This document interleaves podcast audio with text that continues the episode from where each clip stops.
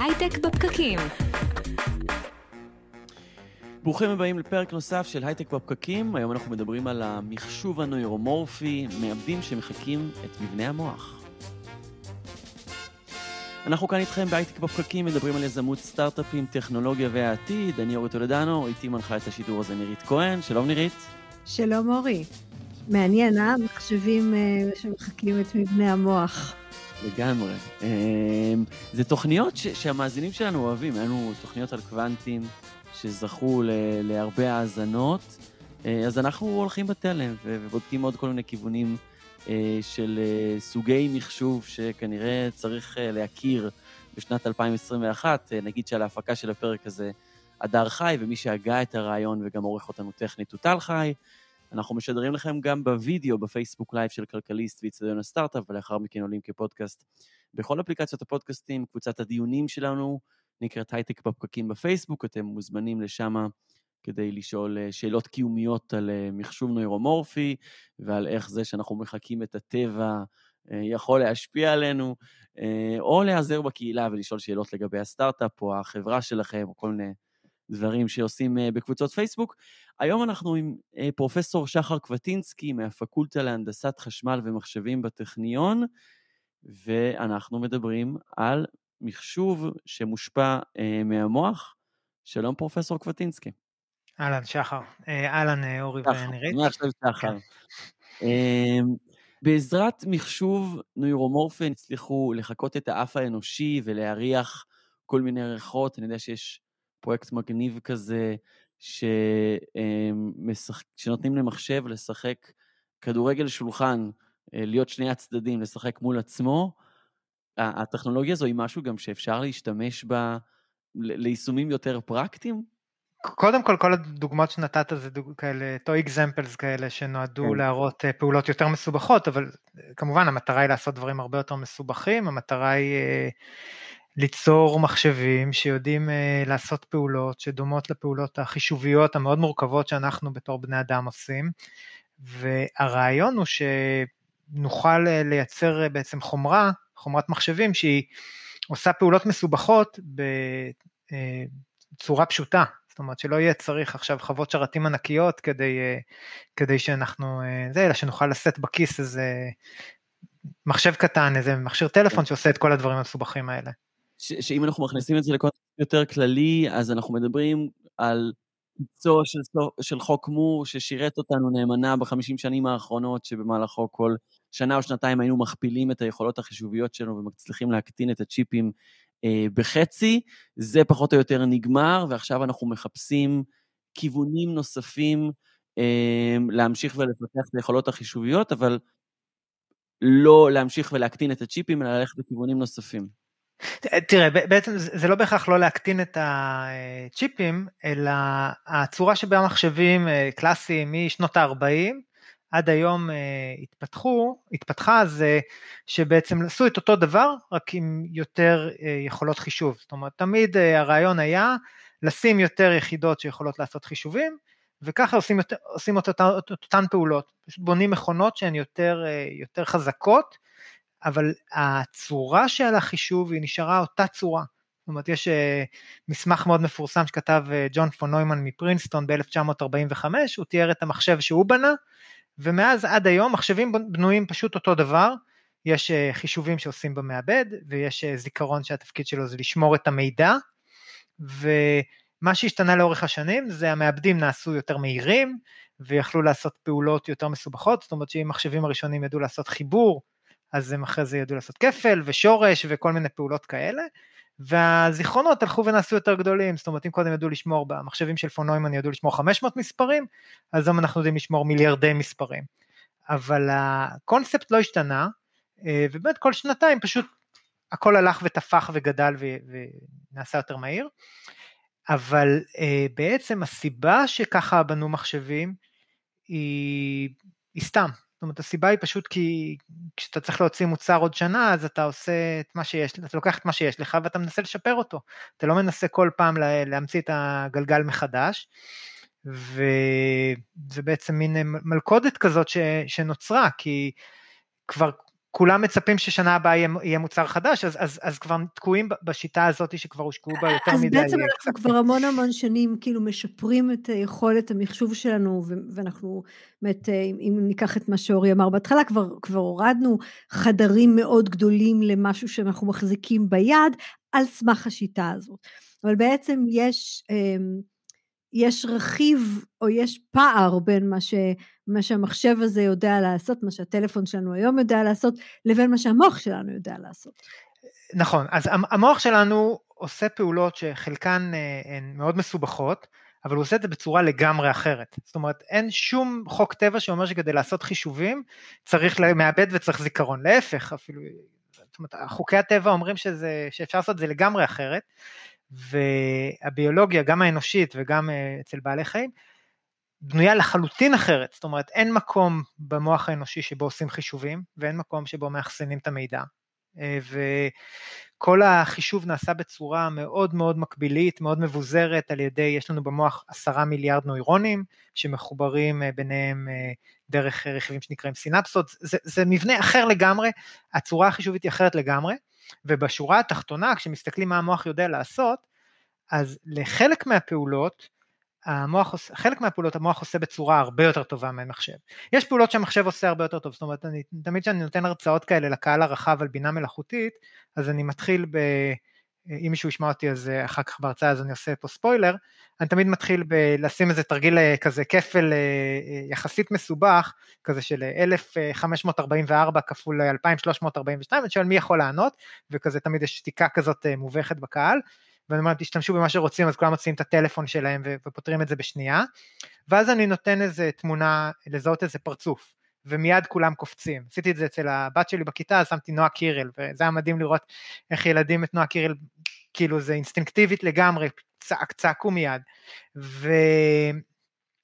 ולעומת זאת, מחשב כדי לזהות עכשיו את נועה קירל, הוא אמנם היום נראה לנו שהוא עושה את זה מאוד מהר, אבל מאחורה יש המון כוח חישוב שנעשה, כשבמוח אנחנו לא, עושים עוד מיליון פעולות אחרות במקביל כשאנחנו מזהים פרצוף.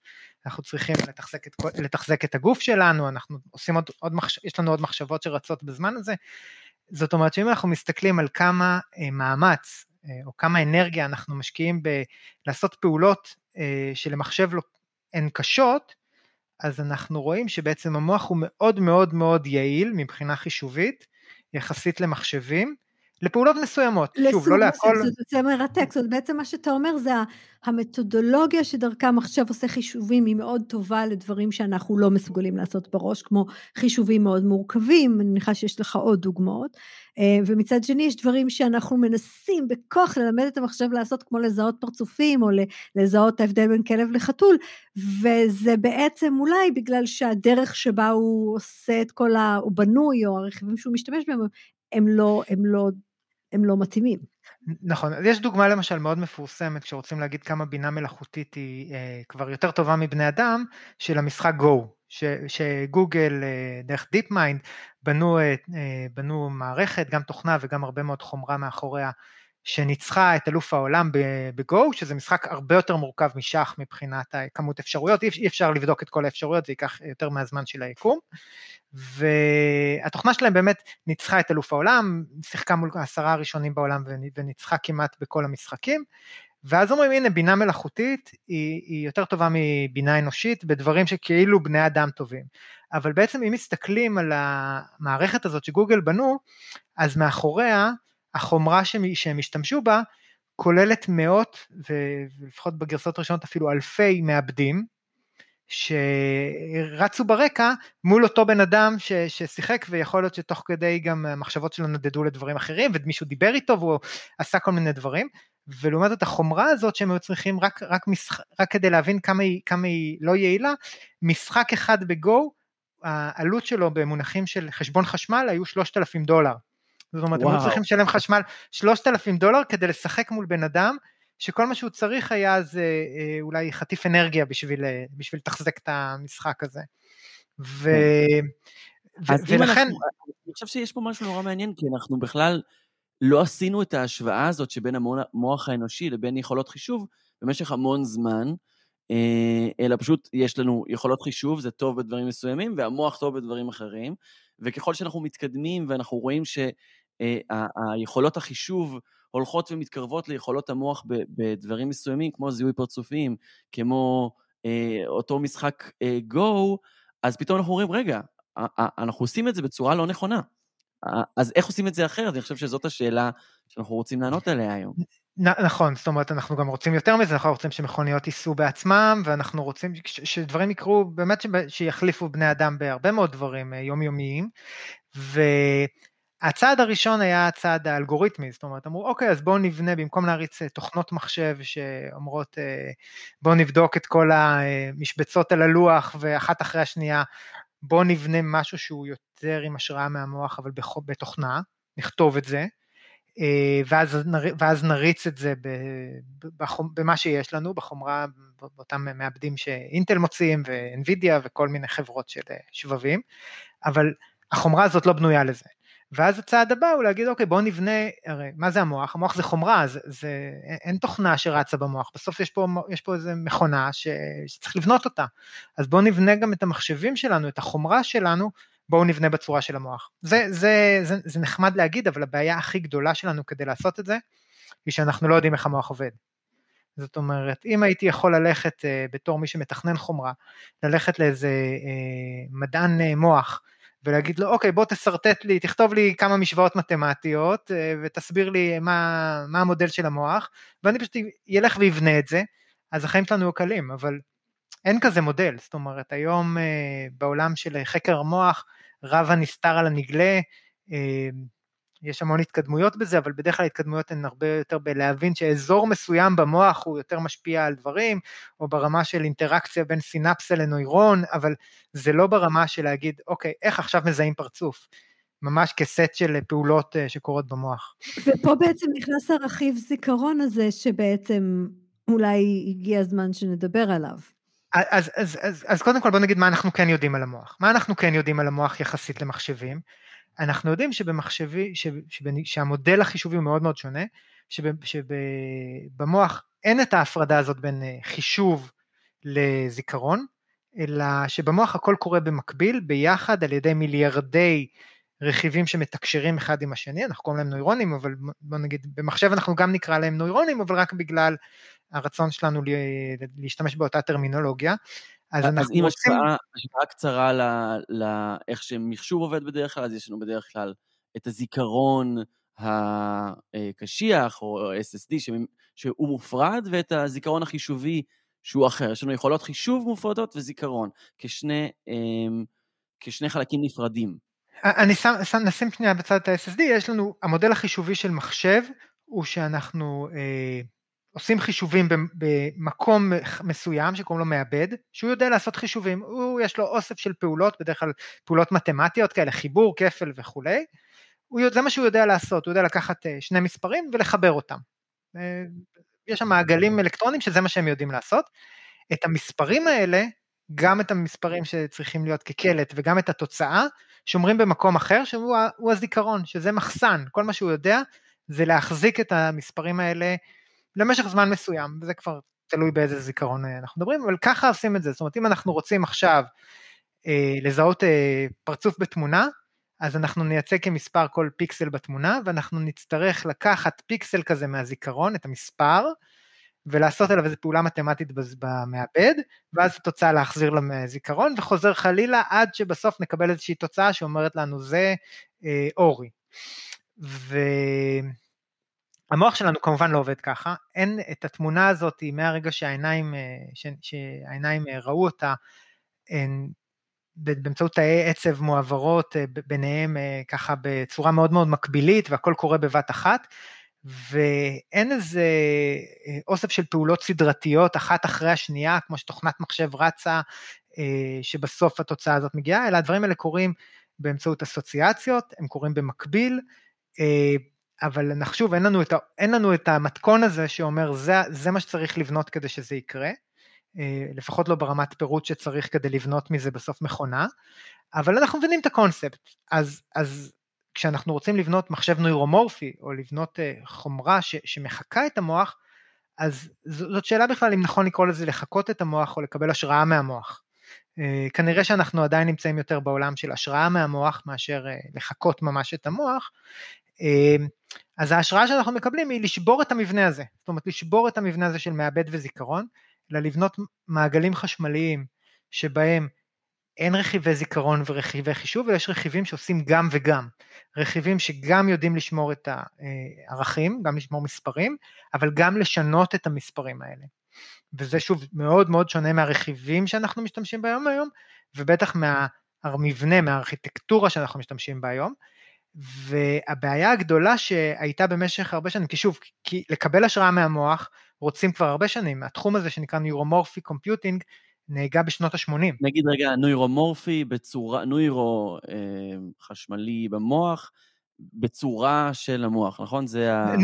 נוירו זה כמו נוירון, מורפי זה כן. צורה, אה, כן. ולכן זה בצורה של המוח. אז התחום הזה התחיל אה, בקלטק בשנות ה-80 על ידי פרופסור בשם קרבר מיד, וזה היה קצת ההייפ בשנות ה-80, אבל בשורה התחתונה לא הצליחו לבנות עם זה מכונות מספיק, אה, מספיק אפקטיביות, שבאמת, אה, איך, כשהתחלתי להתעסק בתחום הזה לפני משהו כמו עשר שנים, אז אה, מישהו כזה ותיק, אה, פרופסור ותיק כזה אמר לי, אה, זה אני זוכר בשנות ה-80 היה הייפ, אבל תמיד המחשוב הרגיל, חוק מור, כל שנתיים פי שתיים, עד שהצליחו לבנות משהו, כבר החומרה הסטנדרטית הייתה יותר מהירה, יותר טובה, הצליחה לעשות פעולות יותר טוב מהדבר הזה שבנו. אה, והסיבה הייתה שבאמת השתמשו בחומרה סטנדרטית, בטרנזיסטורים, שזה מה שמניע גם את חוק מור, וטרנזיסטורים הם יכולים לעשות, הם יכולים לעשות חישובים, הם יכולים לשמש אותנו כזיכרון, אבל הם לא יכולים לעשות את זה גם וגם. אה, זאת אומרת היום הזיכרונות שנמצאים קרוב למעבד, מה שנקרא קאשים, בנויים על טרנזיסטורים, וגם היחידות חישוב בנויות על טרנזיסטורים, אבל זה מעגלים שונים, זאת אומרת משתמשים באותו אבן בניין, אבל אי אפשר לבנות מבנה שהוא גם וגם. כן. ובשנים האחרונות התפתחו טכנולוגיות חדשות, שמאפשרות לעשות גם וגם, לרכיבים האלה קוראים ממריסטורים, memory resistor, יש להם הרבה שמות אחרים, אמ, והרכיבים האלה, ממריסטור זה memory resistor, אז את הממורי כבר אפשר להבין מהשם, אבל בנוסף... מאיפה המונח הזה מגיע, memory resistor? אז uh, המונח הוא מונח מאוד ישן, המונח הוא מ-1971, uh, חוקר בשם uh, ליאון צ'ואה, מסיבות לחלוטין תיאורטיות אמר שהוא חושב שצריך להיות רכיב כזה, אה, הסיבה היא מאוד אה, ככה, מאוד יפה פילוסופית, הוא אמר שהטבע הוא סימטרי, הוא הסתכל על הרכיבים האלקטרוניים המוכרים, נגד, קבל, סליל, צייר ציור, ממש פיזית צייר ציור שאומר אה, נגד עובד לפי חוק אום, מחבר בין מתח לזרם חשמלי, וקבל מחבר בין מטען חשמלי למתח, ככה הוא צייר איזה ציור, ופשוט היה לו חור בציור. היה אזור בציור שהיה חסר. אז הוא אמר, אני מניח שהטבע שלי הוא סימטרי ושקרא אלוהים ברא את הטבע בצורה יפה וסימטרית, אז אם יש פה חור, משהו צריך למלא אותו, והמשהו הזה בוא נניח שהוא קיים, נקרא לו ממריסטור, אה, והוא פשוט המשיך ופיתח איך הרכיב הזה יתנהג. ובשנים האחרונות יש רכיבים שאנחנו יודעים לשייך אותם לעולם הזה. ומה שמעניין ברכיבים האלה, חוץ מזה שקל מאוד לייצר אותם, אה, אני חושב שרק בטכניון יש אה, לפחות איזה חמישה אה, חוקרים שמייצרים אותם, שוב, מכל אחד מהסיבות שלו ומהדרכים שלו, כי פשוט הם באמת מאוד קלים לייצור, והיום אין חברה, חברת, חברת שבבים שלא מחזיקה לפחות סוג אחד של רכיבים כאלה, לפחות בשלבי מחקר כאלה ואחרים, חלקם גם uh, כבר מוכרות מוצרים, אבל מה שמעניין ברכיב הזה זה שהוא מאפשר גם לשמור את המידע וגם לשנות אותו כחלק מחישוב, ולכן הוא רכיב שהוא מאוד אטרקטיבי לשמש כסינפסה. סינפסה זה אותו חיבור חכם בין, בין שני נוירונים. נוירונים בעצם נקרא לזה שולחים הודעות, והסינפסה היא מחברת בין השולח לנמען של ההודעות, אבל זה לא סתם חוט, זה לא סתם חיבור כזה טיפש, אלא חיבור שמשנה את ה... אה, את ה בעולם של רשתות נוירונים קוראים לזה משקל, אבל זה את חוזק החיבור כתלות בכמה הודעות שולחים או כתלות באיזושהי חוקיות.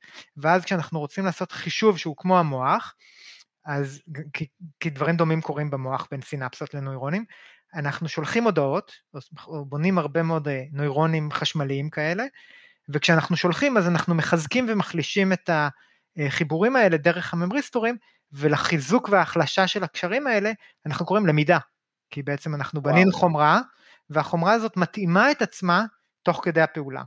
וזה בדיוק הרעיון של למידה, נכון? אז זה ממש אה, למידת מכונה hard coded, כאילו ככל ש... היא לא hard coded, זאת אומרת היא כן משתנה. אבל היא בהר... כן. בהארדוור, כן. אבל היא בהארדוור, זאת אומרת בעצם אומר, ברגע כן. שהכנסת מרכיב זיכרון שהוא לא נדיף לתוך המערכת החישובית, אתה מאפשר לי לעשות דברים שהם קצת יותר דומים למה שקורה במוח. זאת נכון. זה לקודד אה, מידע. והדבר, והדבר הזה קורה אה, באנלוג, זאת אומרת, אם אנחנו מסתכלים על העולם מחשבים היום, הוא עולם דיגיטלי, הכל במספרים. זאת אומרת, אנחנו, נכון שהכל קורה באמצעים חשמליים, יש מתח וזרם, אבל בסוף הכל מתורגם ל-0 או 1, או לאוסף של אפסים ואחדים שמייצגים מספרים. בעולם הניורומורפי אפשר לעבוד באפסים ואחדים, אבל אפשר גם לעבוד באנלוג, זאת אומרת אפשר ממש לחבר זרמים, אה, לחבר מתחים, אה, לחלק מתחים, ואז, ואז החישוב הוא לא רק שהוא מאוד מקבילי, הוא גם קורה הרבה יותר קרוב לפיזיקה, והרבה יותר קרוב במונחים מסוימים לביולוגיה שהיא גם כן אנלוגית, זאת אומרת אין לנו מספרים שרצים ואנחנו, אתה לא אומר, אתה לא אומר יש מקומות שזה הכי טוב או, או זה תמיד הכי טוב, אתה אומר יש, זה, זה, זה, זה תלוי, נכון? זאת אומרת יש מצבים שסוג כזה של מכונה יהיה יותר מותאם מאשר מצבים אחרים. אז, אז כמו, כמו שהתחלנו, המוח הוא טוב בדברים מסוימים, זאת אומרת, אם אנחנו עדיין רוצים לעשות פעולות מתמטיות מסובכות, או אה, דיברנו, דיבר, הזכרתם בהתחלה את נושא של מחשוב קוונטי, אז הוא מאוד טוב לבדוק הרבה אפשרויות בבת אחת, אז את זה אנחנו בתור בני אדם לא עושים טוב. אנחנו לא יכולים עכשיו אה, אה, לנסות לפרוץ, למצוא איזשהו צופן באמצעות ניסוי וטעייה בתור בני אדם בזמן, בזמן סביר. אז את זה גם אין סיבה לחשוב ש, ש, שחומרה שמחקה את המוח תעשה טוב, אבל לעומת זאת, אה, דברים שבני אדם עושים בצורה מאוד יעילה, כמו לזהות פרצופים, לקבל החלטות, אמ, לזהות מה שומעים, לקרוא, זיהוי שפה טבעית מה שנקרא, זאת אומרת לזהות טקסטים, זה דברים שאנחנו יודעים שביולוגית אנחנו עושים בצורה מאוד יעילה, ולכן ככל שנצליח לבנות חומרה שהיא יותר דומה לביולוגיה, כנראה שהיא תהיה הרבה יותר יעילה מכל חומרה אחרת. יש לנו אה, מיליוני שנים של אבולוציה, שהלכה ו... ושיפרה את הצורת חישוב הזאת. בדברים, בדברים האלה. בדברים האלה, בדברים האלה שבני אדם היו צריכים לעשות, או חיות בכלל. אחד הקשיים ב- בלמידת מכונה זה שצריך להזין הרבה מאוד נתונים עד שבאמת אה, המכונות מוצאות איזושהי חוקיות, איזשהו אלגוריתם שמאפשר להם גם לנבא תוצאות להמשך. לדוגמה, אה, בשביל לזהות אה, פרצופים, צריך להזין המון המון המון פרצופים בשביל... אה, אני זוכר לפני כמה שנים דיברו על התוכנה של אלגוריתם של גוגל שהצליח לזהות חתול, שאז זה היה תגלית מדהימה. אז בעצם אתה אומר, ברגע ששינינו את המבנה החומרי לכזה שיותר דומה למוח, אז בעצם תידרש פחות אה, עבודה של הזנה של המערכת של מידע. אז, אז תמיד, תמיד, תמיד אותי מדהים כשאני רואה אצל הילדים שלי כשהם קטנים, שמצליחים לזהות בין כלב לחתול, ממעט מאוד דוגמאות, נכון? הרי כלבים באים בצורות שונות, במראה שונה, ובכל זאת ילד אחרי שהוא רואה פעמיים שלוש כלבים, הוא גם יודע לזהות, הוא יכול לראות אה, אה, אה, דוברמן, ואחרי זה הוא יראה פודל והוא עדיין, ועדיין ינבח לכיוונו, למרות ש... אין סיבה לחשוב שזו אותה חיה, נכון? למה זה לא יותר קרוב לחתול? אבל בכל זאת, בתור בני אדם אנחנו ממעט מאוד דוגמאות יכולים להסיק דברים אה, בצורה מאוד יעילה, לא צריך מיליוני דוגמאות כדי, כדי להגיע כמו שקורה היום בעולם של אה, Deep Learning, אבל השאלה היא למה זה קורה, זאת אומרת, מה במנגנון האנושי, או, או בכלל של בעלי חיים, מאפשר את זה? אני לא חושב שיש לזה תשובה ביולוגית מלאה, יש כל מיני סברות, למשל שאולי אנחנו כבר כחלק מהאבולוציה נולדים עם, אה, עם הקשרים שלנו כבר קצת מתוכנתים, זאת אומרת שזה לא, שתינוק הוא לא דף חלק אלא יש הרבה אינסטינקטים למשל.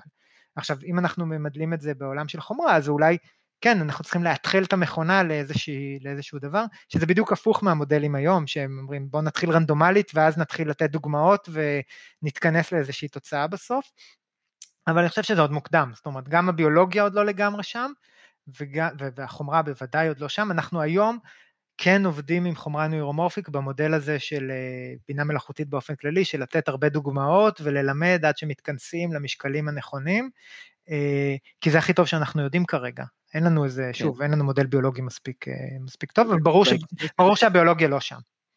כן, המחקר הביולוגי, אז נגיד שכן קיים פרויקט די גדול שמנסה לחבר ולהבין את הביולוגיה יותר לעומק, נקרא פרויקט המוח האנושי. אני חושב שבעקבות פרויקט הגנום האנושי, אה, שמות גרנדיוזיים כאלה, אה, גם מעלים אה, ציפיות וכנראה גם ככה יותר קל להשיג מימון, אבל במסגרת הפרויקט הזה מנסים להבין מוח של עכבר, מנסים גם להבין מוח, את המוח האנושי, ואחד הדגשים העיקריים זה גם חיקוי, חומרה של מה שמצליחים למצוא במחקר הזה, זה מחקר של האיחוד האירופי. אז זה נכון, קודם כל פרויקט הגנום האנושי לפחות הוכיח את עצמו בקורונה בתור השקעה כדאית. אה, מה שלפני 20 שנה כשהוא התחיל לא, לא, לא היה ברור. אבל אה, לגבי, לגבי הביולוגיה, או הבנה של המוח, אז יש, יש שתי אסכולות. אסכולה אחת היא אסכולה יותר אה, מדעית, שאומרת, כן, אנחנו רוצים להבין את המוח, ואם נבין את המוח, נדע לבנות חומרה שמתנהגת, ש, שהיא מאוד יעילה. והאסכולה השנייה, האסכולה היותר הנדסית, שאומרת, אנחנו צריכים לבנות משהו שעובד ויעיל. ואם אם נקרא לזה ניורומורפי רק בגלל שזה נשמע מגניב, אבל בסוף זאת מכונה אחרת לגמרי ואין בינה לביולוגיה, לצורה שהמוח עובד שום דבר, זה גם בסדר. אה, כי שוב, אם אנחנו מצליחים אה, אה, שהמכונית שלנו תנהג בעצמה באנרגיה מאוד מאוד נמוכה, מה זה משנה אם נהג אנושי היה עושה את זה אחרת? Mm. אני לא חושב שיש לזה תשובה של נכון או לא נכון, אבל, אבל שתי הגישות האלה לפחות מובילות לדרכים מחקריות שונות, זאת אומרת כמה אנחנו נצמדים לביולוגיה לעומת כמה אנחנו בונים מכונות שפשוט פשוט ייתנו את העבודה וימשיכו להשתפר. אה, כי אתה בעצם אותה. נתת פה דוגמאות מאוד יפות על זה שיש לנו מכונות שיודעות לעשות חישובים מאוד טובים, אבל בשביל לעשות דברים כמו לזהות חתול וכלב הם הן עושות יותר מדי חישובים, כנראה בדרכים לא יעילות. זאת אומרת שאפשר לבנות מכונות אחרות שיש להן מרכיבים שאנחנו עדיין אה, או, או הנה דוגמה לפיצוח, כן, או אה, ש, שאולי אה, ילמדו לעשות את זה אחרת. שזה אגב מעניין, גם אפרופו השיחה על מחשוב קוונטי, זה לא בהכרח התפתחות, זה לא חייב להיות או-או, כאילו בוא נזנח את ה-X86 ונעבור למשהו אחר, זה יכול להיות אה, באמת עולמות שונים ש, שדורשים מכונות שונות. לגמרי, אני חושב שהעתיד הוא מה שנקרא מערכות הטרוגניות, זאת אומרת ש... בגלל שאנחנו, מלקחת את אותה מכונה גנרית, את ה-X86, ולשפר אותה, אנחנו כבר לא מצליחים, גם, גם לא מצליחים לשפר אותה בקצב שהיינו רוצים, וגם השיפור הזה הוא לא מתאים לכל מיני אפליקציות שהיום הן מעניינות אותנו, בינה מלאכותית, קוונטים וכולי, אז uh, אני חושב שהמחשבים uh, הולכים ונעשים יותר ויותר מורכבים מתתי מכונות אה, שטובות בדברים מסוימים. ולכן גם עדיין יהיה צריך את אותו אה, מעבד גנרי שצריך לנהל את הדבר הזה. אה, שעכשיו אם אנחנו רוצים להתעסק בפיצוח הצפנות אז אנחנו נלך למאיץ הקוונטי שלנו, ואם אנחנו רוצים עכשיו לזהות פרצוף נלך למאיץ הניורומורפי שלנו, ואם נרצה תקשורת למאיץ תקשורת וכולי. כמובן, כבר היום יש לנו התחלה של מכונות כאלה, טלפונים הם הם, הם במידה מסוימת כאלה מכונות, אבל כמובן לא ברמת מורכבות ש, ש, שאנחנו נראה בשנים הקרובות, אה, כי כל פעם יצאו, יש לנו כל הזמן רעב לעוד עוד חישובים, וכל הזמן נוספים עוד אפליקציות, נוספות עוד אפליקציות, כי אנחנו מבינים שאפשר לעשות עוד דברים שקודם אה, עשינו בדרכים אחרות. אז שחר, אילו התפתחויות אתה רואה שיקרו בשנים הקרובות אה, בזכות חישוב נוירומורפי? לדוגמה, הדוגמה שהבאתי בתחילת הפרק הזה על uh, המחשוב הנוירומורפי שהשתמשו בו בשביל לזהות ריחות, שם אמרו שנדרשו uh, פי שלושת אלפים פחות מדגמי אימון בכדי להגיע לאותה תוצאה. אז איפה עוד אתה רואה התפתחויות משמעותיות בתחום? אז, אז אני חושב שיש פה שלושה מסלולים. על שניים דיברתי, זאת אומרת, אחד זה המסלול הביולוגי של לנסות להבין את הביולוגיה ואז להתאים לזה חומרה, או להשתמש בחומרה כדי להבין יותר טוב את הביולוגיה. הצד השני זה הצד ההנדסי שאומר, אה, בואו ניקח את מה שיש לנו היום וננסה עוד לשפר ועוד לשפר ונגיע ליעילות יותר גבוהה בכל מיני דברים. והמסלול השלישי, שזה מסלול שהוא ממש בחיתולים, אנחנו עכשיו אה, חלק מפרויקט אירופאי אה, גדול, אה, הוא הכיוון ההפוך, הוא לקחת את הביולוגיה ולהשתמש בביולוגיה כדי לעשות חישובים. זאת אומרת, אנחנו קוראים לזה זה קצת מה שאנחנו עושים תוך כרגע, כולנו משתמשים בביולוגיה של המוח שלנו בשביל... כן, אבל הרעיון הוא שנבנה את זה. זאת אומרת, אנחנו לוקחים, זה פרויקט שבו אנחנו לוקחים תאי גזע, ואנחנו בונים באמצעותם צ'יפ. והצ'יפ הזה הוא במבנה שדומה למחשוב אה, ניורומורפי. זאת אומרת, אנחנו יודעים שמחשוב ניורומורפי בנוי מנוירונים וסינפסות, ואנחנו שולטים כבני אדם, כמתכננים במבנה הזה, אבל במקום שנשתמש בטרנזיסטורים וממריסטורים וכל מיני רכיבים אלקטרוניים, אנחנו ניקח רכיבים ביולוגיים כדי לעשות את זה. אה, והמחשבה... עד עכשיו היה לי כיף בתוכנית הזאת, ועכשיו קצת מפחיד. אמ, מה זה אומר שלוקחים תאי גזע ובעזרתם מנסים... אז האבני בניין שלנו הן אבני בניין אה, ביולוגיות, ואם אנחנו משתמשים, הרי, הרי מה אכפת לך אם המחשב שלך בנוי מטרנזיסטורים, שזה סיליקון, שזה בסך הכל חול, אה, או ממשהו שהוא אה, רקמה, רקמה חיה. זה בסוף אבן בניין, מה שחשוב זה מה הוא עושה. אבל אם הוא בנוי מאלמנטים ביולוגיים, אז יש פה כמה, כמה דברים. תן לו שם, קח תשעה חודשים. אז זה אולי, זה אולי קצת יותר uh, עתידי, אבל, אבל לפחות אתה תוכל אולי uh, להשתמש בזה למכשור רפואי, ולהכניס את זה לרקמה חיה באינטגרציה יותר טובה. או דברים שאנחנו מסתכלים עליהם זה באמת אינטגרצ... אינטראקציה בין חיידקים לאלקטרוניקה. ואז חיידקים, השותף שלי למחקר הזה בצד הביולוגי, פרופסור רמז דניאל מהטכניון, אז הוא למשל, הוא יודע לקחת חיידקים ולבנות איתם אה, יחידות חישוב. זאת אומרת שהחיידקים, נגיד שני חיידקים הם מהקלטים, והאינטראקציה ביניהם מוציאה איזושהי תוצאה. אה, נניח אם שני החיידקים האלה, אה, יש להם שני קלטים מסוג מסוים, אז הם מייצרים יותר חלבון, ואת היצור המוגבר הזה של חלבון אנחנו נגדיר כנגיד אחד או, אחד או אפס.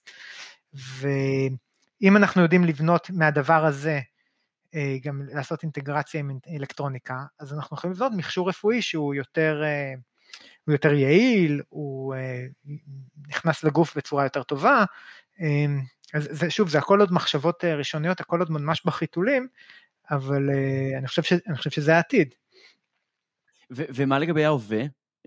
יש כבר שימושים פרקטיים? אז למחשוב נירומורפי, במובנים הפרקטיים, יש כמה סטארט-אפים וכמה חברות גדולות שמסתכלות על חישוב ניורומורפי, בעיקר כדי להאיץ uh, Deep Learning, בעיקר כדי להאיץ בינה מלאכותית סטנדרטית. זאת אומרת, הגישה אומרת, גם באלגוריתמים של בינה מלאכותית, בסוף יש הרבה מאוד פעולות במקביל, אז אם נבנה חומרה שהיא מאוד מאוד מקבילה ומאפשרת לעשות את הפעולות האלה בין אה, נוירונים אה, כדי להאיץ פעולות חישוביות, אז אה, זה כמו מאיץ, זאת אומרת אם היום בבינה מלאכותית אה, מה שעושים זה לוקחים GPUs, מאבדים גרפים שהם פשוט מאוד מאוד מקביליים יחסית למאבדים של ה-X86, למאבדים הרגילים, אז אה, חומרה נוירומורפית זה עוד צעד, עוד צעד כדי להאיץ, Deep Learning, לזה, לזה כבר יש התחלה של מוצרים, יש כמה חברות אה, שהעתיד שלהם נראה אה, די מבטיח בהקשר הזה, גם חברות כמו IBM ואינטל וגם יש כמה סטארט-אפים מאוד מעניינים ש, שעושים דברים כאלה, אבל הם מאוד רחוקים מהביולוגיה למשל. זאת אומרת, הם בסוף משתמשים בחומרה נוירומורפית כדי להאיץ פעולות שהיום עושים עם חומרה דיגיטלית רגילה.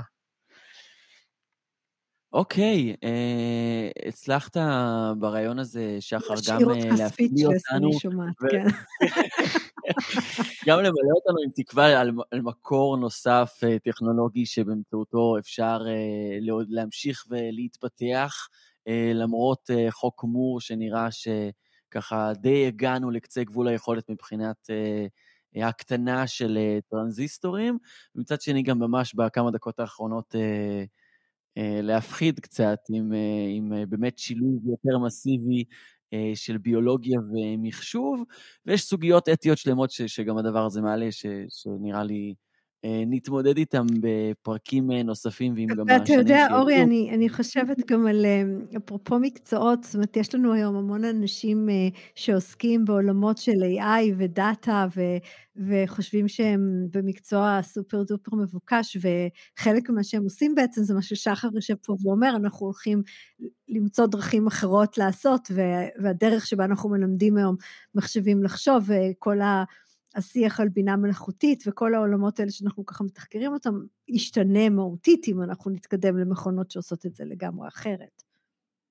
לגמרי, אני חושב שגם בהקשר של המקצועות אה, שהתפתחו בעקבות ההתפתחויות האלו, אה, השמיים הם הגבול, אני חושב שכרגע אה, מתכנת נראה, ללמוד, ללמוד מדעי המחשב נראה כמו הבטחת הכנסה גבוהה, נצחית, אבל גם צריך לזכור ש, שמכונות יודעות גם לחשב, לעשות קוד, לקודד בעצמן, אז לא יודע אם זה באמת המצב.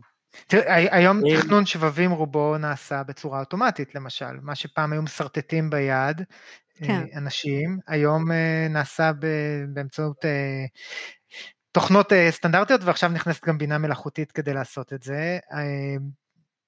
כל, הזמן הדברים האלה מתפתחים, ובכלל בינה מלאכותית, אני חושב שאם מסתכלים על בינה מלאכותית בשנים האחרונות, אז uh, עדיין האלגוריתמים הבסיסיים שמשתמשים בהם, הם לא חדשים, הם, הם בני, בין, בין משנות ה-80, כשהבסיסיים אפילו בשנות ה-40 וה-50. זאת אומרת, מה, ש, מה שלא היה ברור בשנות ה-40 וה-50 ובשנות ה-80 זה מה אפשר לעשות עם זה. בשנים האחרונות, אה, בגלל שיש המון דאטה, אז מבינים שאפשר לעשות עם זה הרבה דברים מעניינים. אז אה, זה יאיץ את כל הצורה כן. בכלל שעושים את הדברים האלה. כן.